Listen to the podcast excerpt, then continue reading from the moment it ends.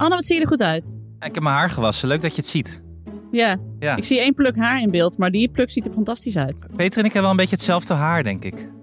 Ja, ja. Ik heb mijn haar niet gewassen vandaag. Nee, dat zie ik. Dat Oh, zie ja. je. maar als je gewoon een gezonde jongen bent en het gewoon goed hebt opgebouwd qua haarwassen, dan hoef je ook heus niet elke dag je haar te wassen. Nee, dat heb ik me ook altijd laten vertellen. Wat zeg je? Wat voor shampoo heb jij? Dat weet ik niet. Nee. Mijn kapper, heeft mij, mijn kapper heeft mij dit gegeven. Ik heb zo'n kapper die dan altijd, als je dan staat af te rekenen, zegt van... Hé, hey, neem, neem dit maar mee. Oh. En dan eh, Oh ja, krijg ik bij dan ben je altijd... ineens Ja. 40 euro duurder uit. Ja, Nee, ja, dat denken jullie. Maar zo'n kapper is het dus net weer niet. Ik krijg het altijd Oh. gratis van hem. Kijk, Volgens, volgens mij is hij in de veronderstelling dat ergens onder de streep hij er eh, toch aan, aan, aan klantenbinding mee doet of iets dergelijks. Maar Maar heb jij al je hele leven dezelfde kapper? ja, Ja, is dat bijna is goed. Ik vind 70. dat wel goed. Ik vind kappers net zoiets als huisartsen en tandartsen. Daar ja, moet je Ja. één keer eentje van hebben en daar blijf je ook ja, exact. Daar kun je niet van... Ja. eh, Nee. Maar soms kun je daar zelf niks aan doen. Want als een kapper weggaat bij een kapsalon, mag hij of zij nooit zeggen dat, dat, dat hij weggaat. Want dan doe je dus, dan, dan neem je die klanten mee. En dat is niet goed voor de, de huidige kapsalon. ja, Dus ik heb het ook wel eens gehad dat mijn lievelingskapster ineens weg was. Ja. Bij mijn kapsalon. Dat ik zei, waar is ze naartoe? En dat mochten ze ook niet zeggen. Ja, maar Nienke, dus- dit is vervelend nieuws voor jou. Maar dan wilde die kapster jou ook niet meenemen. nee. Nou, Want ik heb dit twee keer gehad en toen heb ik onderhands het nummer gekregen op een papiertje. Ja, ik heb ook wel eens Weet onderhands een nummer weet je wat ik heb gedaan? Ik, heb er op, ik schreef er nog columns voor FIFA.nl. Ik heb er een column over geschreven. Toen kreeg ik een appje. Het zei ze, "Pst, ik zit hier. En toen mocht ik altijd bij de thuis, ging ze me altijd thuis knippen. En ondertussen met die andere kapper mocht je dan niet meer naar binnen. Naar die Nee, daar ben ik altijd heel snel voorbij gelopen, inderdaad. ja. Ander- Maar Anne, hoe vaak eh, was je je haar eigenlijk? Vind ik een interessant feitje. Ook in deze huidige eh, tijden. In deze huidige tijden. Wat je, dat je eigenlijk niet meer mag, mag douchen. Of überhaupt niet alleen maar koude baden mag nemen. Ik, ik was mijn haar, Alex, twee keer in de week. Netjes. Vind je dat, vind je dat goed? Eh, ja, ik weet ik eigenlijk niet. wat, is de, wat is de huidige norm? Ja, maar ik, ik, ik was mijn haar niet elke keer als ik douche. nee, nee, ik ook niet. Nee. nee. Nou jongens, wat een Ja, dus- dit. Ik heb ja. het gevoel dat de luisteraar echt op de banken Ja. staat te juichen dat ze dit nu weten. Ik vind het ook super interessant gesprek. We Nee, gaan nou, het zo over wel- het einde der tijden hebben. Maar eerst, Anne's Ja. haar. Hoe zit het? Ja, precies. nou, ik wil nog even wel, voordat ik de intro doe, wil ik nog eventjes, dat Hanneke nog even vertelt met wie zij gisteren om tafel zat. Nee, dat hoef ik helemaal niet te vertellen. Jawel, want je moet even die goede grap erbij vertellen. want Ik vond het echt een leuke grap. Nou, Oh, ik, zat, ik had een afspraak met iemand van de jeugd van tegenwoordig. En toen hadden we het erover dat we eigenlijk allemaal oud zijn geworden. En dat de jeugd van tegenwoordig eigenlijk helemaal niet meer de jeugd van tegenwoordig kan heten. Want die hebben ook allemaal kinderen. Oh, dat vinden ze zelf ook. Nou, Ja. nee, Nee. dat vinden ze zelf Wij niet, hadden het maar erover. wel. Oh ja. Ik bedoel, ze ja. vinden zelf volgens mij wel ook dat ze oud zijn geworden. Net zoals elke normaal mens van 40. Jawel, maar, ja, maar wij hebben geen bandnaam die ons blijft achtervolgen. Nee, precies. En- Nee. En toen dachten wij, laten we, anders moeten ze dus zichzelf eh, ouders van nu gaan noemen. ik zou die plaat wel kopen trouwens. Dat is toch fantastisch dat dan zeg maar, op de posters bij Hedon hier in Zwolle staat van op 14 oktober komt Ouders van Nu. Ja. En dat het dan ook begint, Om- dat begint ook om half acht. ja, precies. zeker. Dat je om Ja, negen uur thuis kan zijn. Want de oppas Ja. moet worden afgelost. Ja. Met Ja. een naprogramma voor jongere bezoekers. Ja, je hebt van die sportscholen met zo'n eh, opvang ernaast. Dat vind ik altijd heel handig. Dat zouden ook, ze, ja, dat zou de jeugd eh, tegenwoordig ook in- kunnen doen. In Tivoli Vredenburg in Utrecht heb je tegenwoordig een, eh, een dansavond. Die heet Vroeg Pieken. Spe- spe- Ja. Speciaal voor ouders die Ja? om acht uur al willen beginnen. En eigenlijk om half elf er wel af liggen. Oh, wat goed. Ja, in, Zwo- in Zwolle heet hij vroeg zat. Ja. Leuk, leuk. is Leuk. allemaal Vroeg zat. leuk Van als dat 8 tot het 12. sneu ook is, toch wel. Ja, maar de snelheid heb ja. Ja, je kan, fuck die it. omarm je toch op een nee, dat is zeker moment. waar. Ja. En wie hou je ook nog voor de gek? Dat je zegt, nou nee, ik heb dat niet nodig hoor. Nee. Ik, ben, ik ben altijd op mijn best om één uur Ja, s'nachts. precies. Om één uur kom ik pas naar de kroeg toe. Ja, precies. Maar wees, weet wel, dat, dat hoorde ik dus laatst, dat ook jongeren tegenwoordig vroeg naar huis willen. Oh ja? Begreep ik. Ja. Komt dat door ja, de die corona? moeten allemaal... Nee, die moeten die studiedruk en, eh, en baantjes, die moeten gewoon echt allemaal weer om, eh, om half negen eh, klaar zitten. Zondagochtend ook of zo. dat dan weer niet. Nou ja, misschien ook wel met hun baantjes, Ja. dat weet Ja. ik niet. Ja. Maar zeker eh, door de weeksconcerten, die mogen echt niet eh, na elf nog eh, duren. Jeetje jongens, maar weet u nog toen wij jong waren? Vroeger, Nee. net na het eh Jura-tijdperk. Nee. Dat Toen, toen we- Gebeurd een hit was. Ja. Net na het eh Jura-tijdperk. En toen je dan op maandag zei van, is er vanavond ergens nog een feestje? En dat altijd wel, was altijd wel ergens een feest van de scheikundevereniging of zo. Weet je, dat je van de studievereniging. Dan ging je op maandag naar de de scheikunde-studievereniging. En dinsdag was er een zwak feest van de sociale wetenschappen. En woensdag was er weer een diergeneeskundefeest. En donderdag was er weer, nou ja, een uh, letterenfeest. En nou, en zo sukkelde je dan het weekend in. En dan ging je weer stappen. Nienke, je maakt je niet hipper met deze, met deze name dropping.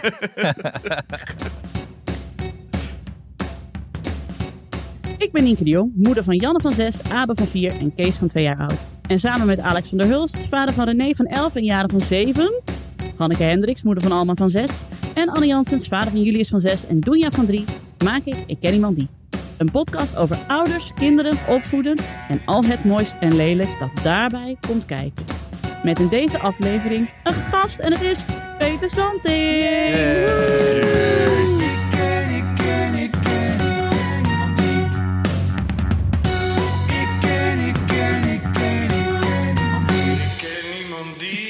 Peter, jongen. Ja, zo ben je nog nooit aangekondigd. De drie vermoeide, een- vier vermoeide ouders. Ik ben nog nooit aangekondigd met de lage bariton van Alex van der Hulst. Nee, even ter introductie. Peter Zanting is eh, journalist, onder andere voor, NRC, voor NRC. En hij schrijft prachtige boeken.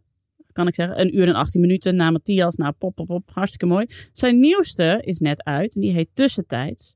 En ja, het, het, het thema eigenlijk past ontzettend goed bij deze podcast. Dus daarom vind ik het heel leuk dat we jou even kunnen spreken. Dank. Ja.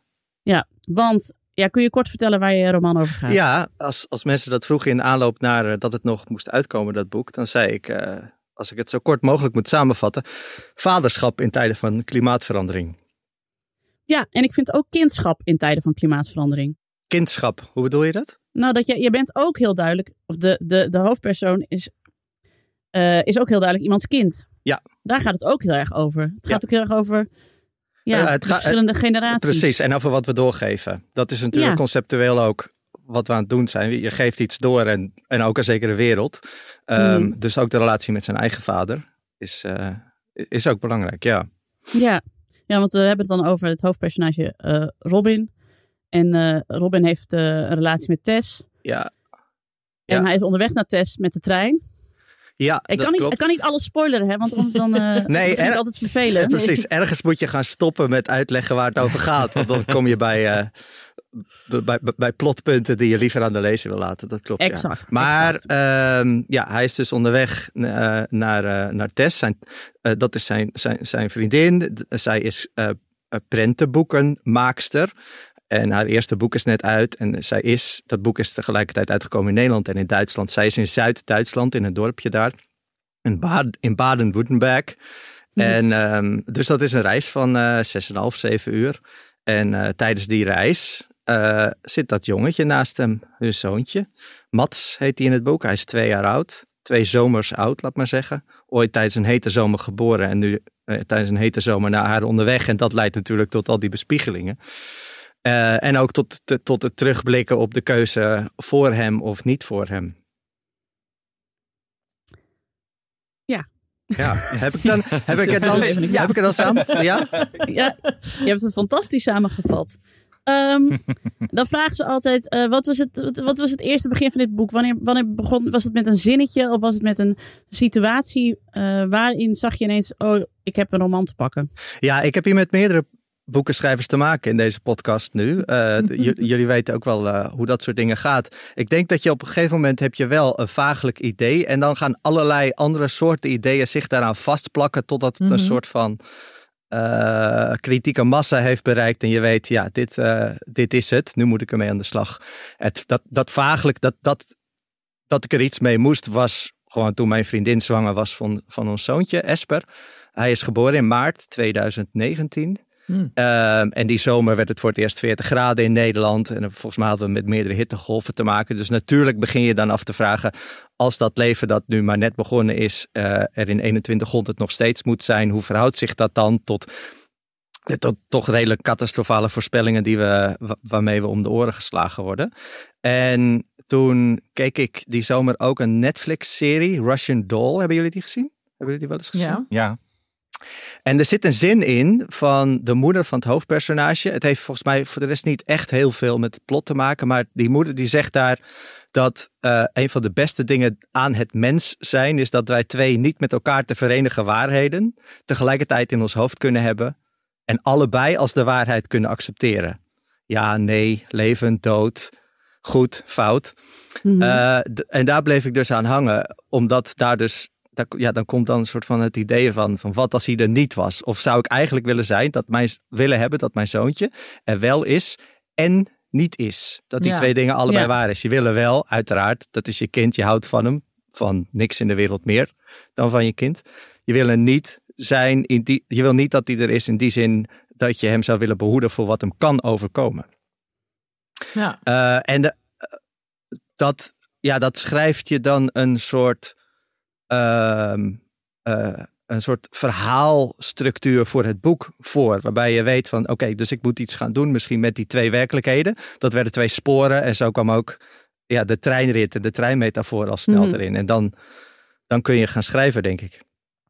En die kwestie van er niet zijn, was dat alleen eh, het behoeden voor het gevaar, maar ook, of ook nog het er niet zijn dat dat beter zou zijn voor het klimaat? Nou ja, dat- je, je hebt natuurlijk in het, je kan het vanaf twee, kinderen, vanaf twee kanten bekijken. Het is vooral dat eerste, denk ik. Natuurlijk is het ook heel, heel belastend voor het klimaat om eh, eh, een kind te krijgen. Dat weten we. Ehm, maar dat was niet. Dat was niet het meest prominent in mijn gedachten. Overigens las ik, hoorde ik daar laatst nog een goede podcast over. Een, een goed gesprek volgens mij bij Ezra Klein of zo. Ehm, in ieder geval een Amerikaanse podcast. Van iemand die zei ehm, dat dat de problemen waar we nu voor staan, die, die we nu het meest, die we het snelst moeten gaan oplossen, bij wijze van spreken voor 2030 of 2035, eh, die hebben niet zo heel veel te maken met de schade die een kind nemen nu veroorzaakt. Omdat het grootste gedeelte van dat leven zich pas na die deadline, die we nu eerst met z'n allen moeten halen, af gaat Ja. spelen. Ja. Mhm. Ze hadden eigenlijk onze, onze ouders hadden ons niet moeten krijgen. Dat was beter voor het milieu geweest. Ja, toch? Ja, Ja. dan dat wij nu. Ja, en onze ouders, wij zijn denk ik allemaal begin jaren tachtig geboren ongeveer. Ja. Onze, onze ouders hebben ons weer gekregen in een tijd van, eh, van eh, de bom eh, die misschien Ja. ging vallen. En eh, Zure Zure, regen. zure regen. zure regen en- Mhm. en, een ga- gat in de ozonlaag. eh, laag. Waarmee ik niet wil zeggen dat, dat, dat er altijd wel iets is en dat we klimaatverandering op die manier kunnen bagatelliseren. Want dit is een uniek moeilijk probleem dat van zo'n beetje elke tekortkoming in de psyche van de mens gebruik maakt om er maar voor te zorgen dat we er niks aan doen. Ons, Ja. korte, ons korte termijn denken, ons egoïsme. eh, ons, ons eh, eh, gemankeerde samenwerken. Ook toen waren er natuurlijk. oh, wij zouden dat, die vraag inderdaad met goed recht ook aan onze ouders kunnen stellen. Nou ja, mijn vader heeft dat wel gezegd. Dat is een bekend verhaal bij ons in de familie. Oh ja? Mijn vader vroeg altijd zei van... ehm, hij wilde gewoon twee kinderen. Want hij zei tegen mijn moeder... wij zijn samen op deze aarde. Wij gaan op een gegeven moment weer af. En dan hebben we twee die onze plek dan innemen op een gegeven moment. Ja. Dus dan hadden ze mijn broers gekregen. En na 2,5 jaar zei mijn moeder... ja, sorry hoor. Het echt leuk. Maar ik wil gewoon eigenlijk nog een kind. En toen ben ik er nog gekomen. En toen Ja. kreeg ze per ongeluk ook nog mijn broertje. Dus uiteindelijk is dat echt helemaal fout gelopen. Ja. Precies. Het was Die hele plan, maar- leuke linkse wereldwinkel ideologie van mijn vader. ja, een soort van is- we vervangen alleen wat toch wel weer vergaat. En, eh, Ja. en, en, en, en meer Maar doen Peter, we die de ja. jongs, die hebben ook allemaal veel kinderen gekregen. Jongen. Echt, allemaal, hè? Ja. Allemaal reuze werkt cumulatief Ja. daar. Dit is echt heel, dit is helemaal verkeerd gegaan. echt niet goed. Nee. Nee, maar ik voel dus ook heel sterk, en hier praat ik elke week met, met de psycholoog over. Nee hoor. Dat ik. Nee, dat is helemaal niet waar. Een beetje Nee, maar waar. ik, ik- nee, dus ik ben- zit niet bij de psycholoog.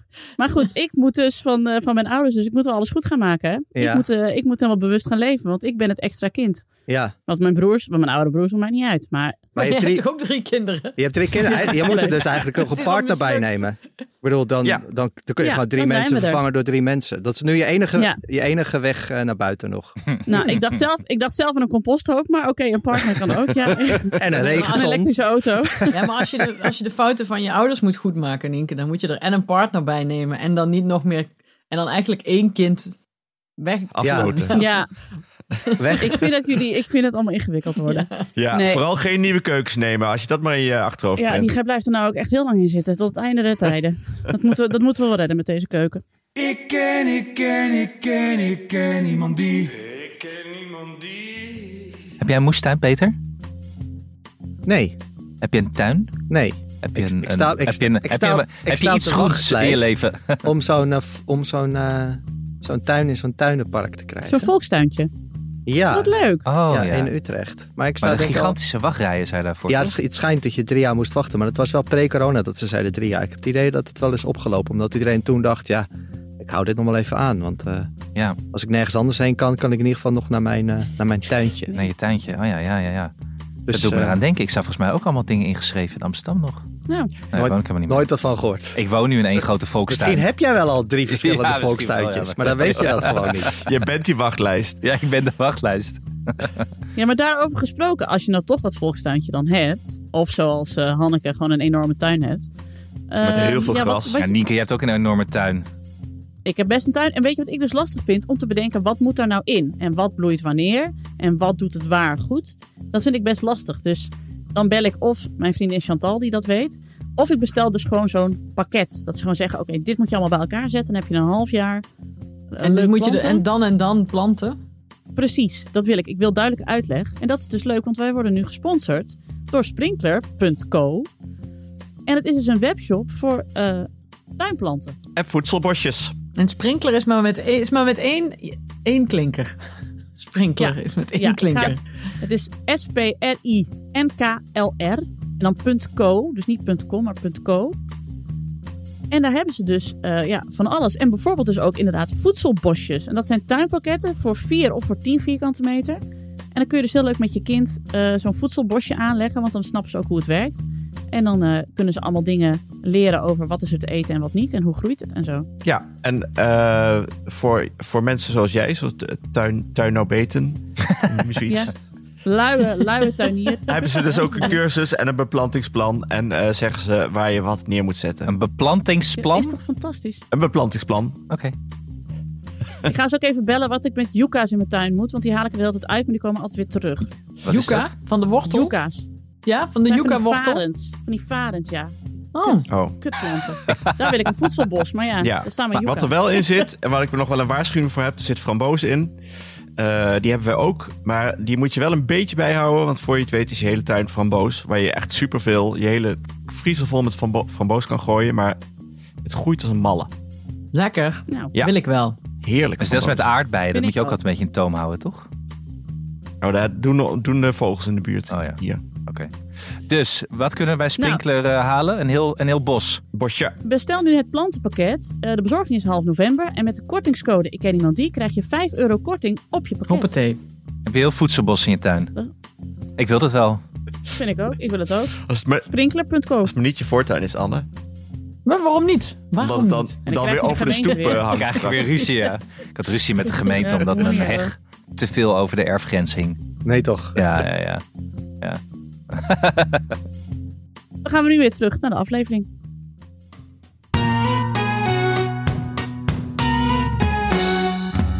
Peter, ik lees ook in die roman. Het is inderdaad, eh, wat als mijn kind er niet is? Van, was dat beter geweest omdat ik niet weet wat hem allemaal te wachten staat in de nabije toekomst? Wat, Mhm. in welke wereld zet ik hem?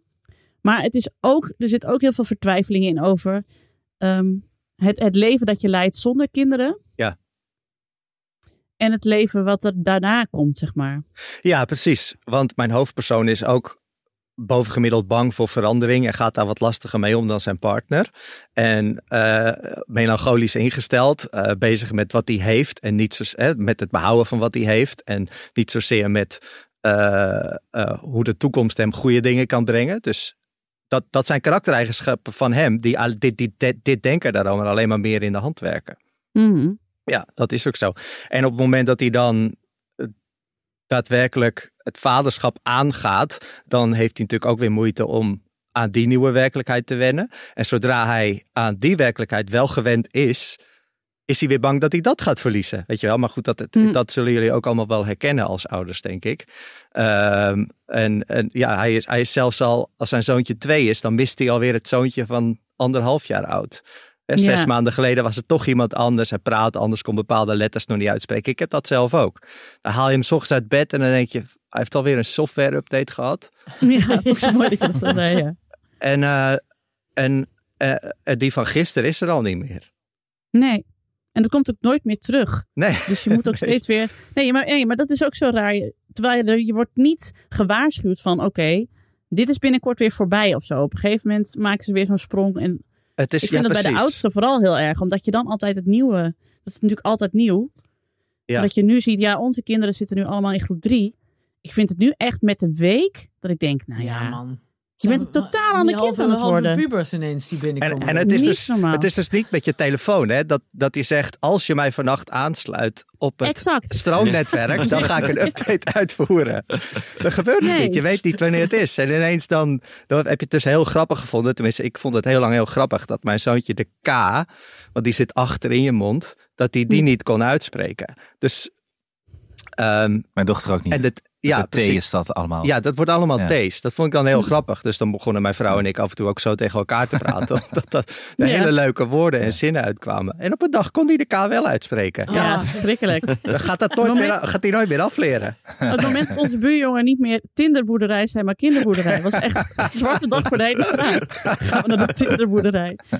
Nee, maar dat, dat is het. Je wordt er niet voor gewaarschuwd. En jij zegt, of jij, je schrijft ook in die roman, het is ook echt niet zo dat je niet aan het opletten bent. Weet je, het is niet van, oh, ik zit te veel op mijn telefoon en daardoor heb ik het gemist. Ook al kijk je constant, dan mis je het nog. Ja, precies. Dat had ik heel erg op een gegeven moment. Ik bedoel, dit, dit, is, dit is natuurlijk niet een autobiografisch boek in, in de pure, pure eh, zin van het woord. Maar het is wel mijn meest autobiografische boek van de vier. En dit zijn dingen die ik gewoon echt uit mijn leven heb genomen. Dat je, dat je hè, vaders en moeders die zeggen, ja, ik was ook gewoon in de eerste jaren te veel aan het werk of zo. Dat is helemaal niet het geval. Ik zie hem elke dag. En zeker die Hmm. coronatijd. Want Ja. hij is gewoon echt ook een coronakind. Eh, hè, hij is één geworden en twee geworden en drie geworden zonder dat er veel visite op zijn verjaardag kon komen. Hmm. En toch, toch, toch staat hij ineens naast je en doet hij iets en denk je, ja, het mo- het moment dat je dit dus geleerd hebt, dat dit jouw eigen geworden is, heb, heb ik, ik heb het niet meegemaakt. Het is gewoon Nee. gebeurd. Onder mijn ogen. Hoezo Was weet jij dit ineens? Ja. Hoe- waarom zeg jij dit ineens? Waarom Of- deze, deze zinsconstructie, zoals je nu vraagt of je nog wat aardbeien mag, ja. waar, is, waar, is dat, waar is dat je hoofd ingeslopen? en zo verliezen we dus elke dag wel iets. En dat is, ja, nou ja, goed, dat is een karaktereigenschap die, die mijn hoofdpersoon net zo goed heeft eh, als ik zelf. En, en heb je dan ook, dat vraag ik me wel eens af. eh, je wil dan eigenlijk die oude dingen vasthouden ook. Ja, niet per se, maar eh, in ieder geval vasthouden in die zin dat het je, je het gevoel en de herinnering in combina en die combinatie daarvan wil vasthouden. Ja. En soms probeer je, of eh, soms, je probeert het de hele tijd met allerlei foto's of allerlei andere manieren. Maar ik merk dat het ook eh, wel echt verdwijnt. Van ik kan naar die foto terugkijken en dan denk ik van ja, ja of dan is het gevoel er niet Ja. meer. Of Ja, er is een bepaalde ervaring ervan. Die, die, die, die, die lekt eruit, hè? Die zitten, Ja. je kan het niet vastleggen. En toch, nee, eh, eh, ik, ja, we kunnen niet anders. Die tijd, die, eh, die gaat toch wel voort. Dus ik probeer het dan inderdaad. Ja, ik, ik maak ook wel natuurlijk. We maken allemaal foto's, veel foto's. Ik hou ook een dagboek bij. Dus ik schrijf best wel veel over hem en over bepaalde fases van, van zijn leven. Mijn zoontje is, even voor de context, is nu 3,5 dus. Want hij is in maart 2019 geboren uit Esper. En ja, ehm, ik probeer op die manier het allemaal vast te houden. In zekere zin is de roman dus ook een manier om de eerste twee, tweeënhalf jaar van zijn leven ergens te bestendigen, ergens vast te leggen. Dat zijn allemaal manieren om de tijd een beetje bij je te houden en, en ervoor te zorgen dat je het kan vasthouden. Het lukt, dat, lukt, dat lukt nooit net, nooit, nooit helemaal. Het gaat, het gaat, toch, altijd, het gaat toch altijd voorbij. En toch blijven we het doen. Ja, Hey, en tegelijkertijd, eh, als de, het hoofdpersonage Robin worstelt met ouder worden, vader worden, ja of nee, eh, gebeurt er ook met zijn vader tegelijkertijd iets waardoor zijn, die relatie ook heel erg verandert. Kun je daar ook wat meer over vertellen? Ja, daar zitten, daar zitten geen spoilers in wat mij betreft. Ja, Nee. hij, hij merkt inderdaad bij zijn vader een steeds grotere verwardheid. Om even kort er iets over te zeggen. Zijn vader is altijd een vrij, eh, eh, komt uit een vrij activistisch milieu. En heeft zich altijd ingezet voor het behoud van bomen in Amelisweert. Dat is een heel mooi landgoed eh, ten, aan de oostkant van Utrecht. Dat er gelukkig nog steeds ook is. En heeft zich begin jaren tachtig heel erg ingezet voor... de strijd tegen een geplande snelweg toen, die, die er wel kwam, de A27, moest nu eenmaal doorgetrokken worden. Omdat de Nederlandse overheid het gekke idee had dat je van Madrid tot Oslo met de snelweg zou moeten komen. En, Ja, echt. en, als, dat, en als je dat zou willen, we- we- zou willen, dan moest je blijkbaar daar dat stuk snelweg ook nog leggen. En dan was het af. Dan kon daadwerkelijk iemand van Madrid naar Oslo of andersom. Hoe dan ook. Maar hebben mensen in Oslo daarom gevraagd? Of, eh? Ja, of in Madrid.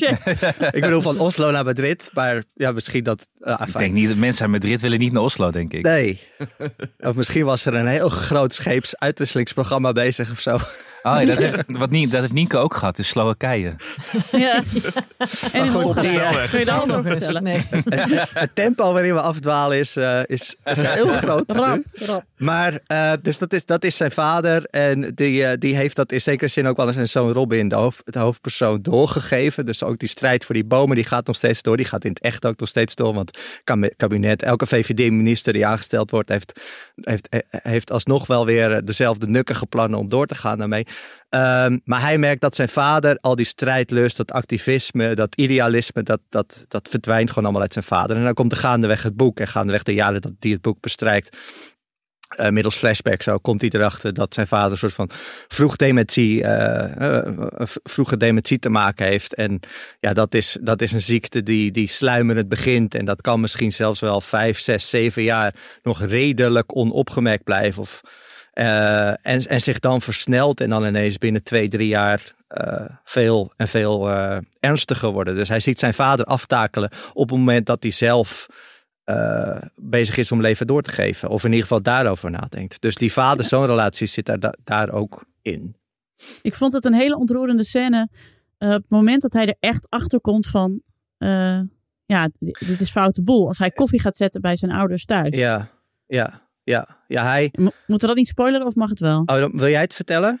Vind, vind Nou ja, ik misschien leuker. Nou ja, dat eh, hij gaat koffie zetten en hij ziet ineens een briefje hangen van zijn moeder waarop precies staat van zoveel schepjes, het water zit daar, knopje omdoen, dat soort dingen. Ja. En dan neemt hij dat briefje mee naar de kamer, zegt hij, wat is dit? En dan ehm, slaat zijn vader hem. Ja, omdat hij gewoon uit totale onmacht niet weet. Hè, want, want ik laat mijn hoofdpersonage dan ook denken. Hij slaat mij. En, maar hij, degene die slaat, is degene in paniek. Ja, Eh, eh, de totale onmacht om eh, dat je gewoon niet weet wat je overkomt. En dat je dus dan maar uithaalt om, om het op een soort van afstand te kunnen houden. En, ehm, en dat is het natuurlijk ook wel met dementie. Op het ene moment kan het verschrikkelijk aanwezig zijn. En het, het, volgende moment kun je weer heel, heel helder zijn. Dat is niet een, een, een glijdende schaal die, die rustig naar beneden gaat. Waarbij iedereen weet, morgen is, is, hè, zal het weer iets meer zijn dan nu. Eh, en, eh, en, en soms, soms slaat het ineens toe. En ehm, ja, zijn vader raakt daar dan gewoon totaal in paniek. Terwijl het helemaal niet een man is die zijn kinderen slaat. nee. En ik vond het ook heel mooi wat Robin daarna denkt van, eh, maar het is aan mij of dit gebeurd is, want er is verder niemand bij en hij zal het ook vergeten of willen vergeten. En als ik nu ook, als ik het nu ook doe alsof het niet is gebeurd, dan is het niet gebeurd. Dan kan ik Precies. Waarmee hij natuurlijk ook weer refereert aan wat we allemaal af en toe zouden willen. Dat iets niet gebeurd is. Of dat je de tijd Ja. kunt terugdraaien zodat iets niet gebeurd is. Dus dat terug willen in de tijd. Dat kan hij op dit ene punt kan hij dat eigenlijk doen. Want in die Ja. ruimte zijn alleen zijn vader en hij. Zijn vader is het ofwel vergeten. Of zal zich er zo verschrikkelijk voor generen. Dat hij het nooit tegen iemand zou zeggen. Ook tegen zijn eigen vrouw niet eens. Dat weet Robin eh, als, als zoon van hem heel zeker. Dus hij is de enige die bepaalt of het gebeurd is of niet. Waarmee En dan je- en dat geeft hem een soort van macht van, ja, een soort tijdreisgevoel bijna. Mm. Ja. Ja, en, en dat zit dan ook. Dat vind ik zo mooi in de roman. Ja, ik heb, echt, ik heb er echt van genoten. En ik vond het, het gewoon ja, echt vijf sterren. Want het is zo precies waar we allemaal nu in zitten. Het is zo, het is, alles is zo herkenbaar. Ook hoe dan uiteindelijk inderdaad het vergeten van zijn vader ook zo doorvlochten wordt met het, de komst van het kind. Ehm, We moeten Dat wel ook zeggen, je krijgt van Nienke vijf sterren hier, omdat je ook nog de Tweede Wereldoorlog erin verwerkt hebt. Oh ja, Dus anders, anders, anders, anders had je één bal gemist. Maar eh, ja is dat? nee, Peter, Peter krijgt sowieso vijf sterren van mij, omdat wij ooit voor NRC eh, Wie is de Mol recaps hebben gemaakt. ja, dat klopt, Daarom, ja. dat is het enige. ja, jullie we- kennen Peter allemaal, hè? Ja. Ja, Ja, dat, nee, dat is gewoon. Ja, dat maar allemaal mag op de een eigen luisteraar best manier wel weten. eigenlijk, hè? grappig hè? Ja. En, en je lijkt ook heel erg op Anne, dus jij had in principe ook de vierde Ik ken iemand die er kunnen worden. Want Nou, leuk weer Alleen dit. Anne, alleen Anne, alleen Anne, Anne en jij kennen elkaar niet. Ik ben ook niet in beeld op dit moment, beste, beste luisteraar. Ik, ik heb de camera zo gedraaid dat niemand mij ziet. Ja, dat blijkt me ja, weer. er is hier een vreemde wisseltruc bezig. ja. Ja, dat is heel apart. Maar het wint snel genoeg ook wel weer. Ik had ook al bij- moeten ruiken toen het over mijn haar begon. Ja, Ja. precies. Ja. Zoals bij goede tijden, slechte tijden. Dat niemand het erover heeft. Dat het Ja. een andere acteur is. Ja. Ja. Nee, dat is gewoon dat de rol van Lieke van Lexmond ineens gespeeld wordt door, weet ik veel. Nee, goed. Ja, Hey, maar we goed, hebben- we eh, hebben- we krijgen had het over dat je mijn boek zo goed vond. Nou ja, nee, we, krijgen, we hebben best wel wat mailtjes in de loop der tijd gekregen van luisteraars die vroegen of we een keer iets met het klimaat wilden. Ja. Ja. Eh, Het is ook natuurlijk een verschrikkelijk moeilijk onderwerp Ja. om het over te hebben. Zeker in een soort van en hoe ga je het over setting. Hoe ga je dat doen? ja. En ehm, ja, maar goed, wat je zegt, eh Dienke, ik, ik, ik was er wel van overtuigd dat dat wat ik voelde, dat, dat, dat heel veel jonge ouders dat moeten voelen. Dus dat ik daar niet uniek in was. En dan moet je een soort van afdalen in, in die gedachten. Dat bedoel ik niet per se, per se mee dat je pessimistisch en pessimistischer moet worden, maar wel zo diep mogelijk van wat is het dan? Waar komt dat vandaan? Hoe kan ik dat onder woorden brengen? Eh, ook op een manier dat iets wat zo'n verschrikkelijk groot, abstract, bijna niet te vatten probleem is, zo klein mogelijk gemaakt wordt. Namelijk gewoon Mhm. één man, één vrouw en hun, en hun zoontje. Ja. Maar ik, zat bij, me- ik was bij mezelf even te raden gegaan. En toen dacht ik, het is eigenlijk best wel gek. Ik was denk ik, ik was vroeger een stuk activistischer Ja. dan, eh, dan toen ik daarna kinderen kreeg, zeg maar. Dat Waarom? hield een beetje op, denk ik, bij mij. Is dat? Oh? Oh, hoe Is komt gek. dat? En weet ik eigenlijk niet zo goed. Ah. Daar moet ik nog even goed over nadenken. Maar- maar, maar ik denk dus wel, ik ben optimistischer geworden de afgelopen drie jaar. Oh ja, ik niet. Nee? Nee. Waarom Maar ben ik heb wel optimistischer expres- geworden, Peter? Nee, wacht. weet Ja, ik nee, nee, wel- nee, ja, daar gaan we zo naartoe. Maar ik, ik wil nog even zeggen dat ik me. Dat ik, eh, ik heb eigenlijk expres al die research over, weet ik veel, over het klimaat en wat er allemaal aan de hand is. Ja. Zo. Ik, ik, had, ik, heb, ik, heb, ik heb daar geen zin in. Nee. Laat maar. Ja. Ik doe dat even niet. Ja. Ja. Maar jij hebt dat wel echt gedaan voor dit boek. Jij bent helemaal ingedoken volgens Ja. mij, hè? Nou ja, kijk, waarom ben ik optimistischer? Ik ben geen klimaatwetenschapper en er zijn denk ik genoeg mensen die doen alsof ze heel veel weten van een bepaald onderwerp, terwijl dat eigenlijk wel meevalt. Dus Oh, ik ook was wel doen ik viroloog. Dat was ik een poos. Je was wel viroloog. Ja, dat ben ik poos al Ja, ja. geweest. Ja. Ja, ja, ik ben ook een jaar of twee viroloog Ja, was, geweest. eh, ja. Is niet eens Even bijbeunen, maar ja. Eh, maar, nou ja, wat ik mooi vond was, ik, ik moet, moest denken aan, eh, ik ga even een omwegje maken, maar ik las, ik las heel veel boeken, ook over het onderwerp, dus ook non-fictie, weet je wel, de, de, de standaardwerken zoals eh, de, eh, eh, nee, noem ze allemaal maar, maar één daarvan is Ministry, Ministry for the Future. Dat is een science fiction roman van Kim Stanley Robinson. En het is, op, het is een verschrikkelijk saai boek op bepaalde punten. In heel bepaalde scènes gaan niet. Ellenlang door. Je begrijpt niet waarom hij het erin gestopt heeft. En dan zijn er andere scènes waarbij je echt het idee hebt dat je regelrecht de toekomst in kijkt. Dat hij het zo precies heeft geëxtrapoleerd welke waarheid we nu hebben. En hoe dat doorgaat als we met z'n allen nog 15, 15 jaar ja, doorgaan waarmee we bezig zijn. Maar ook als bepaalde oplossingen die nu al een klein beetje te vinden zijn in de huidige wereld. Als je die ook doortrekt. Dus het is relatief nog wel een optimistisch science fiction boek. Dus dat we gaten in ijsbergen moeten doen en zo, toch? Ja, ja, dat soort gekke ideeën, Ja. maar ook over, eh, over een, een CO2-munt die dan een bepaalde waarde heeft. Die dan weer, nou goed, dus het is op economisch, financieel gebied, op maatschappelijk gebied, over hoe we bedrijven moeten runnen. Dat klonk hoe Barbara we belastingen moeten innen, wat Ja. we kunnen doen met onze ijsbergen tegen het stijgen van de zeespiegel, waar het overtollige water naartoe kan. Hij is allemaal conferenties afgelopen om daar met allemaal wetenschappers te praten. Die zeggen, ik denk dat het over tien jaar dat we dit of dit bedacht hebben. Ja. Eh, dat, is, dat vond ik machtig interessant. En in een interview haalde Kim Stanley Robinson een Italiaanse eh, eh, marxistische denker aan, Antonio Gramsci. En die is ooit met het zinnetje gekomen: pessimism of the intellect, optimism of the will. Dat vond ik mooi. Er zit namelijk in, ja, je erkent dat de huidige stand van de zaken vrij problematisch en, is. Dat we met een redelijke grote crisis te maken hebben. Maar ik kies ervoor om hoop te hebben, Mhm. eh, omdat dat sowieso de moeite waard is. ja, dat levert je altijd wat op. Zeg maar. Ja, ja en, en het personage in mijn boek zegt op een gegeven mom- moment ook iets wat ik erin heb gestopt, omdat ik het tijdens een gesprek met vrienden over klimaatverandering zelf een keer mezelf, eh, mezelf zomaar hoorde zeggen. Namelijk, het, is, het wordt steeds makkelijker om in de toekomst te geloven als je die elke ochtend uit bed haalt. Ja. En dat voel ik ook wel vrij Mhm. sterk de afgelopen jaren. Ja. Ja, ik vind het ook omdat ik zie dat de generatie onder ons echt mega activistisch is. Ja, niet allemaal, hè, maar die tendens is er veel meer. Dat zij zich veel meer. Zij zijn zich veel meer doordrongen van de ernst van de situatie. Ook omdat ze er langer mee, eh, mee verder moeten.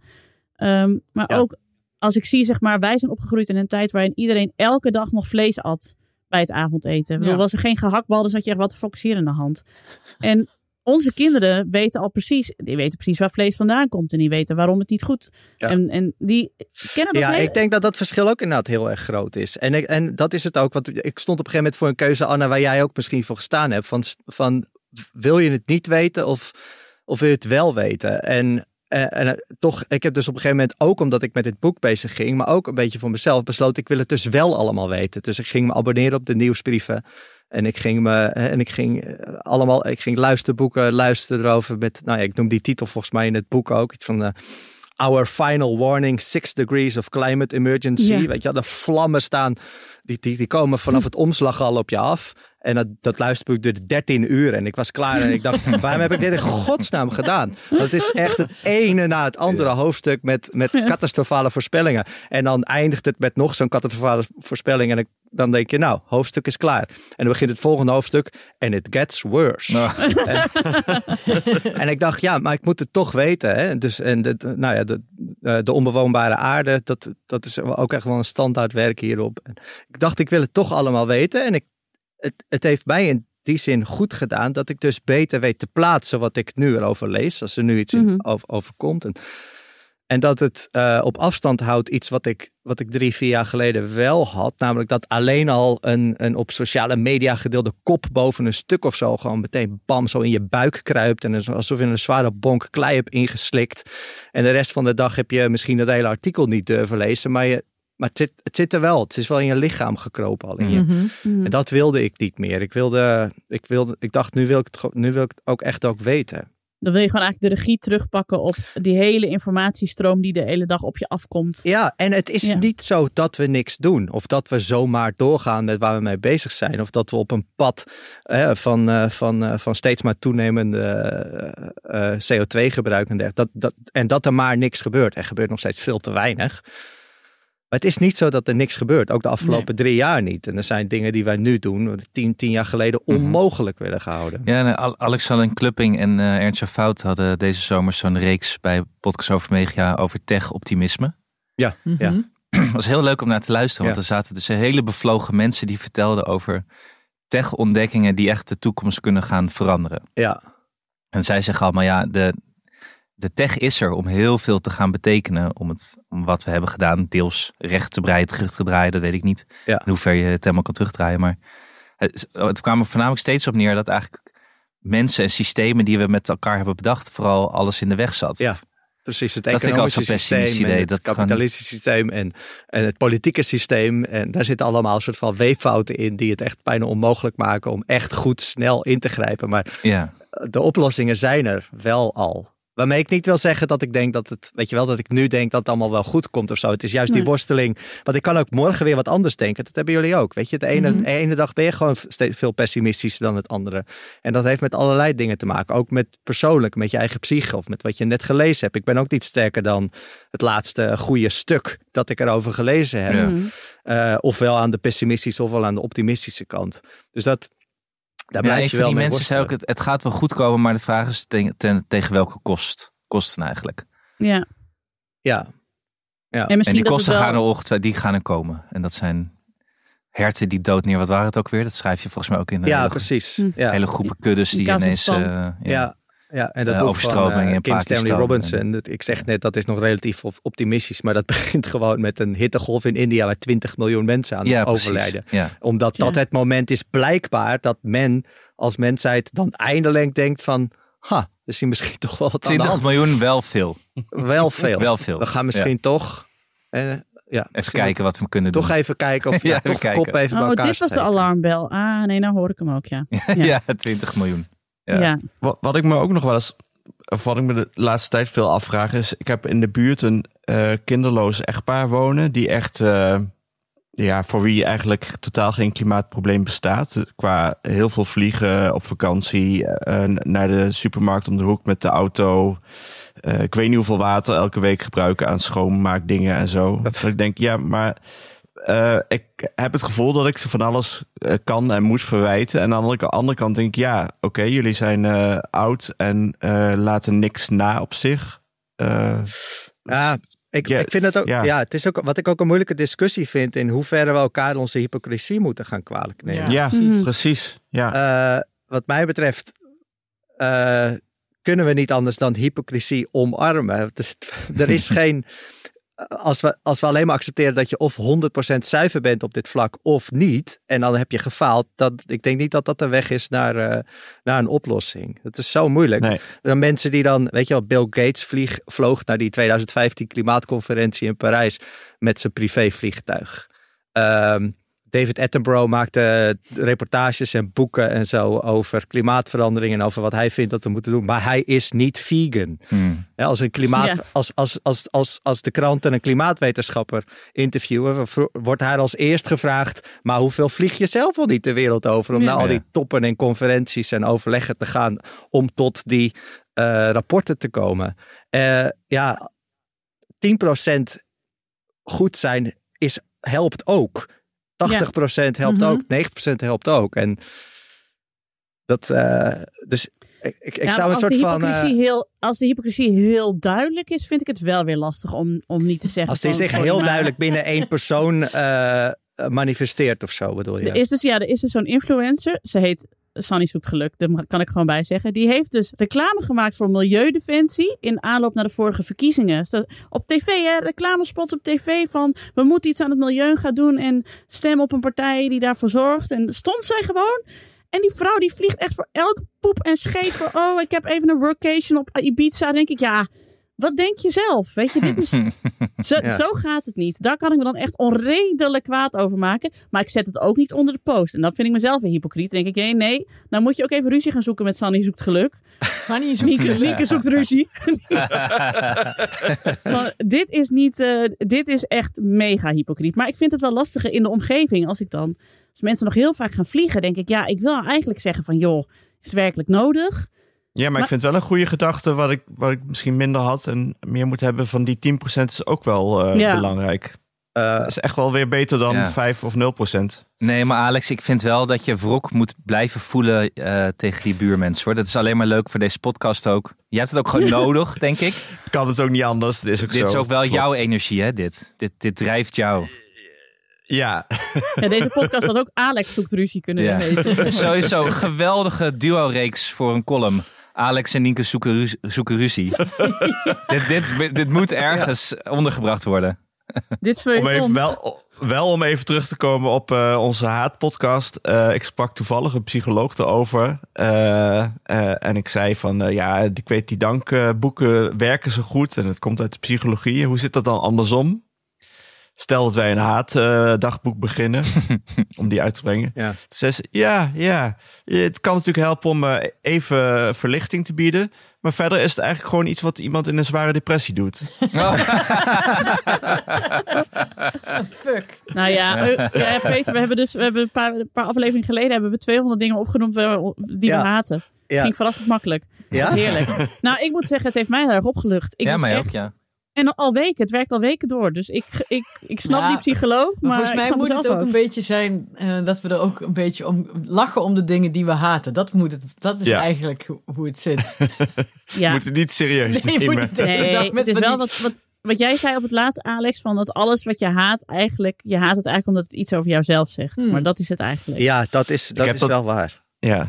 Ik heb dat geleerd via eh, eh, waar Nederlandse toeristen zich aan haten. En eigenlijk zijn, zijn het altijd zijzelf. Dus alles wat ze op Duitsers projecteren, dus eh kuilen graven, luidruchtig zijn en veel eten. Ja, dat is wat Nederlanders gewoon doen op vakantie. Ja, en we willen ook op vakantie nooit andere Nederlanders tegenkomen, want daar hebben we Nee. dan een hekel aan. Dat is- Ja, precies. Die zijn het ergste. ja, waar, waar is die camping waar geen Nederlanders staan? En dan ga je daar dus dat niet-Nederlanderschap ga je gewoon zitten opheffen door daar je teentje op te zetten.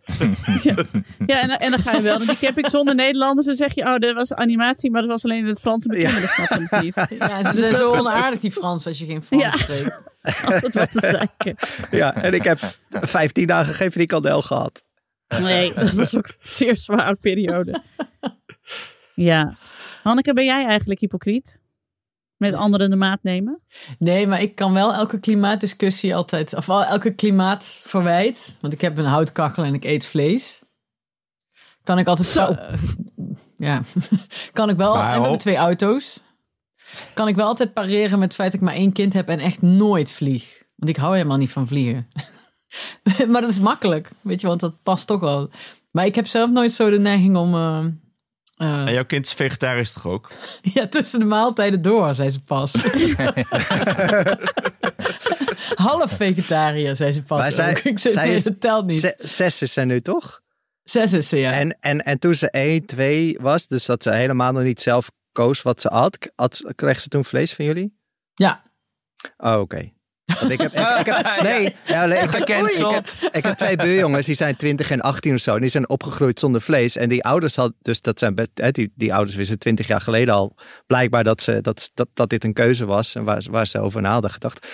Ehm, maar de gedachte was, wij geven ze geen vlees. Op het moment dat zij zelf kunnen en willen kiezen, dat ze oud genoeg zijn om een keuze te maken, mogen ze het zelf weten.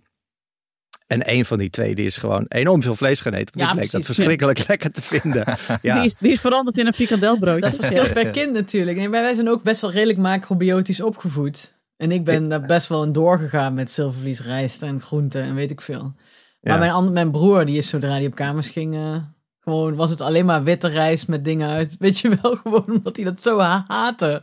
Ja. al, dat, al die zuurdesem. En dat, dus volgens mij ligt het er maar een beetje aan. Maar wij eten niet elke dag vlees. Dus, Nee. Ik Maar, wilde ze nog even gezegd hebben. Ja, nee, nee, goed maar hoor. voor, qua, qua, qua wat Alma te eten krijgt. Nee, maar, ja, maar ze kregen Nee, het wel. eh, We hadden maandag weer een MR-vergadering. Ja, ik, zal, ik zal voor de betalende leden achter het eh, slotje ga ik al het juice geven. Nee, Oh ja, de MR, MR Juice Juice. Channel. Hoe staat het had daarmee? mijn, en hij had mijn collega Pieter bedacht. Die zei, we moeten een podcast beginnen. En dan doen we alle juice in de, in de podcast. En dan moeten mensen daarvoor betalen. Dan scheelt weer ouderbijdrage voor de uitjes. Ik zei, een goed idee. maar de MR-juice laat ik dus even wat het is. Maar eh, toen vertelde ook de directrice dat ze weer met de, met de jeugdraad om tafel had gezeten. Met de, de jeugdcommissie. En eh, eh, dat ze daar dus ook... Die kinderen zijn ook allemaal anti-plastic, joh. Ze zei, dat is echt ongelooflijk. Dat ze wel hadden gezegd uit duurzaamheid... van er moest meer water gedronken worden. Dus dat hadden de kinderen ook meegekregen van geen pakjes met eh, appelsap en zo meer mee naar school. Gewoon een beker met water.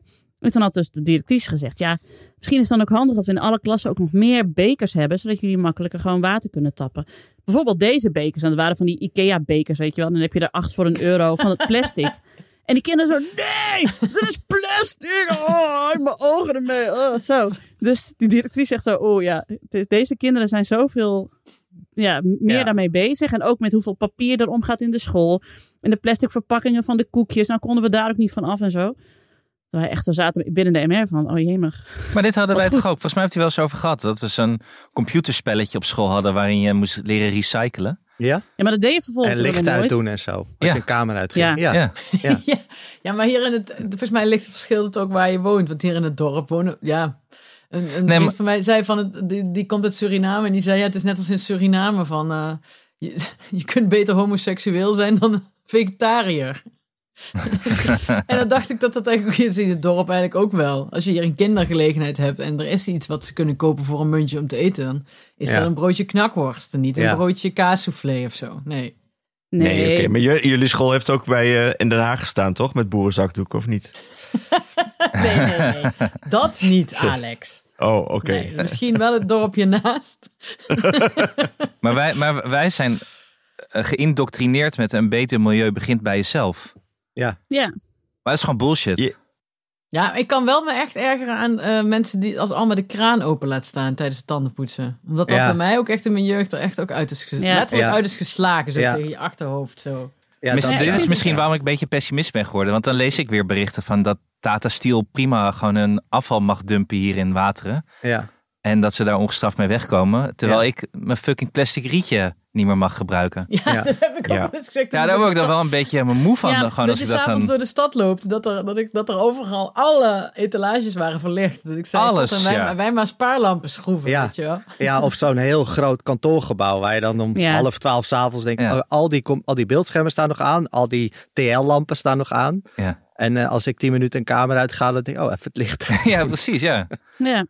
Maar weet Ja. je dat dan, Peter? Want je hebt die boeken gelezen. Is de, is de invloed die we zelf hebben, is die eh, significant? Of moet het echt van die grootste, grote bedrijven komen? Nee, ja, ik vind dat vlak, eh, dat, dat, dat, daar heb ik niet een eenduidig antwoord op. Volgens mij moet het allemaal gebeuren en helpt alles.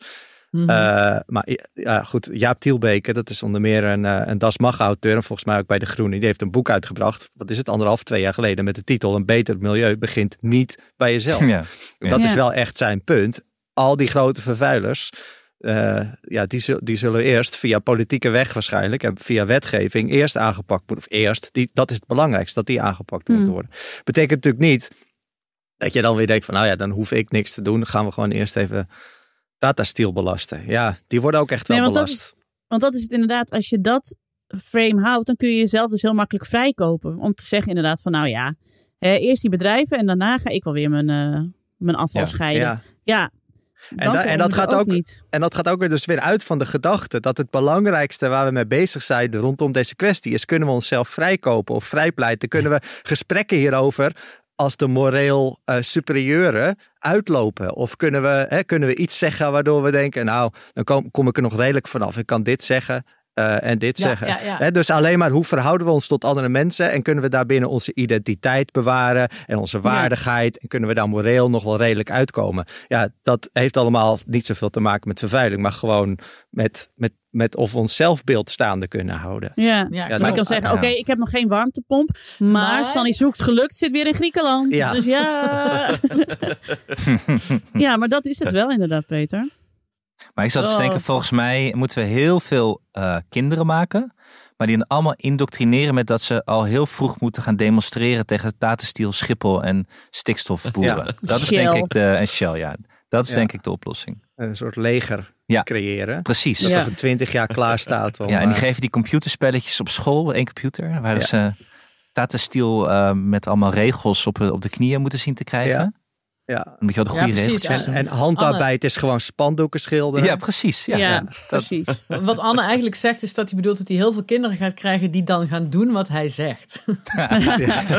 Maar dat, Nou, ik weet niet of ik daar mijn geld opruimen. op inzet. zo Dit is, dit is trouwens wel een mooi eh, iets waar ik nu aan moet denken. Er stond een keer twee jaar geleden of zo een ingezonden brief in de Volkskrant van iemand die schreef.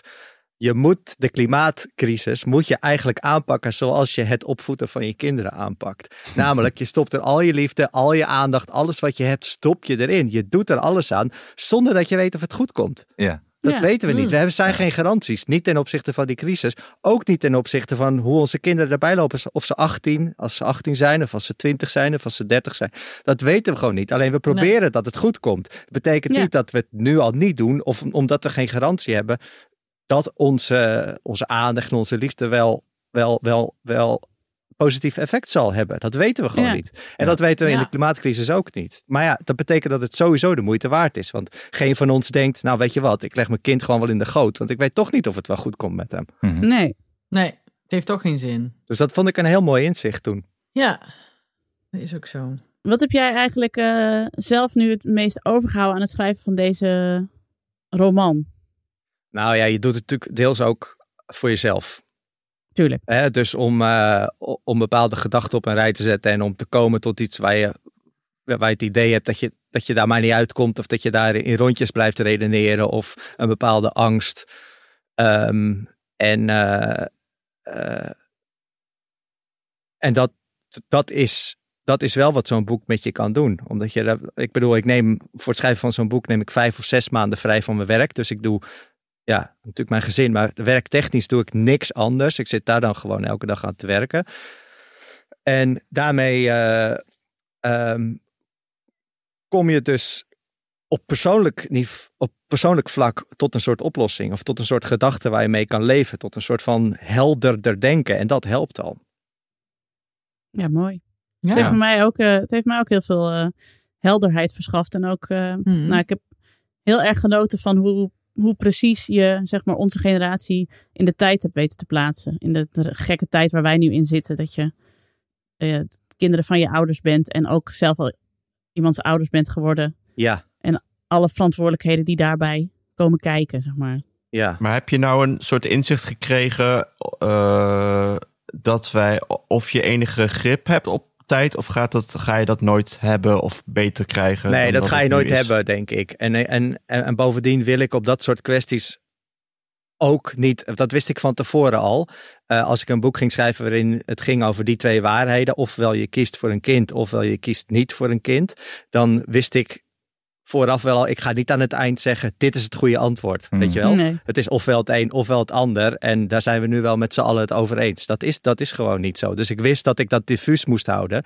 Ik wist dat ik steeds een deurtje open moest houden van de ene waarheid naar de andere of weer terug.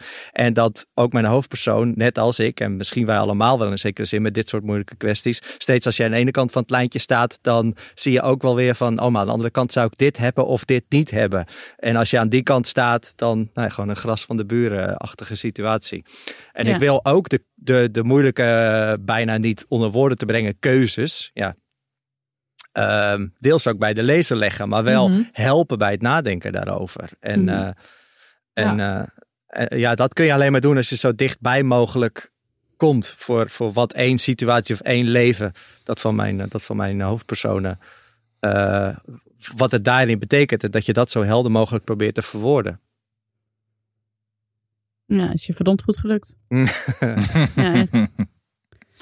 Ik denk dat dit een heel mooi eh, einde is, jongens. Mhm. Tijd. Ja, Ja. Dank Peter dat Ja. je hier eh, te gast wilde zijn. Het is voorbij gevlogen. Nou, Ja, het is vind, vind voorbij. ik ook. Ja. Ja, man. Nog eh, even voor de, alle, alle luisteraars. Het is een prachtig boek. En niet te dik voor de mensen die niet van dikke boeken houden. Nee, het is maar 175 pagina's. Maar dat is, En ik vind is- dat en het ja, is ook echt spannend. heerlijk hoor. En het is heerlijk. spannend. En het is spannend Ja. en ontroerend. Maar niet te dik. Ik prijs dat nog een keer aan. Ja, maar Ja. ik denk Er is dus niet dat te veel papier. Ik dacht, als je hier een heel dik boek van maakt, kost heel veel papier. Dan doe je, het gaat helemaal tegen, tegen de Het is ook een boodschap. e-book van, jongens. Het is ook een e-book van. Ja. Maar daar heeft Peter niet veel aan. Nee. Nee. Nee, maar dat vind ik sowieso met al je boeken, Peter. Dat is het laatste wat ik over zeg. Dat, eh, die zitten altijd zo kundig in elkaar en geen woord te veel. En nooit meer, dan, nooit meer dan 200 pagina's. Heerlijk. Hè. Ik vond het zo mooi dat bij de... Waarom, waarom schreef je nog geen boeken toen ik op de middelbare school zat? Ja. Ja. Ik vond het zo mooi dat je overal las ik dat je vorige boek een, eh, een bescheiden succes in Duitsland was. Ja. Maar dat stond overal bescheiden bij. Ja, dat is Waarom dan, is dat? Ja, Waarom dat is niet dan, gewoon dat is dan succes in zo'n Duitsland? zinnetje, dat staat dan in, in de korte biografie die Das Macht naar buiten stuurt over mij bij dit boek. Is, nou ja, zijn Oh ja. vorige boek is naar Matthias. En dat werd ook een bescheiden succes in Duitsland. En dat wordt dan overal Maar waarom bescheiden? Gewoon een Nou, succes. Of een bescheiden bestseller was het volgens mij. Het, Oh, het- verhaal is, hij, eh, eh, mijn vorige boek is in Duitsland vertaald. Nacht Matthias werd het daar. Dit boek overigens ook weer, eh, gaat ook weer in Duitsland verschijnen. En Ging, wacht even, ging de reis daarom ook naar Duitsland in het boek? nee, Dat je dacht, ja, daar heb ik al een Ja, bescheiden bestseller staan. Ja. Marketingtechnisch was het heel handig om dit in Duitsland te laten plaatsvinden. Nee, het idee, het idee is anders ontstaan, maar het voert te ver om dat nu allemaal op terug te komen. Eh, wat wilde ik zeggen? Nou ja, hij heeft daar dus één week in de bestsellerlijst gestaan. In de Duitse top echt waar? 60 of zo. In Duitsland. Dat is best wel Ja. moeilijk. Ja. En toen viel die er dus uit. een bescheiden succes voor Duitsland. Wat veel belangrijker is dan dat het een Nederlands bescheiden Dus, succes dus is. voor, voor Ja. ons een gigantisch, gigantisch Ja, succes dit dus. Ja, ja. Want je stond in de bestsellerlijst in Duitsland. Ja, oké. Ik zal dit kijken moet je even daar, eh, veranderen, denk ik. Of Ja. we daar nog Ja. iets Ja. kunnen doen. Ja. Zeg maar tegen Daniel. Daniel, niet goed dit. Bij Das Mag. Of Ja, doet Daniel, ik weet niet wie dat doet. Bowie bij Das Mag. Bowie, als je luistert, Ja. even aanpassen. ja. Bescheiden uitgeverij. Ja. Bescheiden uitgeverij. Ja. Hij brengt boek uit met een bescheiden aantal pagina's. Dat is wel Ja, fijn. Ja. Ja. Nou, eh, dank dat je te gast was in deze bescheiden podcast. Eh, ik ga even de aftiteling doen, jongens. Dat was hem weer. Dank aan mijn vaste tafelgenoten Alex van der Hulst en Hanneke Hendricks. De productie was in handen van Anne Janssens. Heel veel dank aan onze gast Peter Zanting. De montage is gedaan door de getalenteerde Jeroen Sturing. Mocht je ons iets willen vertellen, heb je een tip of een vraag of een opmerking, kom dan naar onze Vriend van de Show pagina. Voor een klein bedrag kun je vriend van de show worden, waardoor je ons de gelegenheid geeft om nog meer mooie afleveringen te maken. Op Twitter heten we @ikkenniemandie en ons mailadres is ik@dagennacht.nl. Dank voor het luisteren en tot de volgende. Dag hoor. Dag. Dag.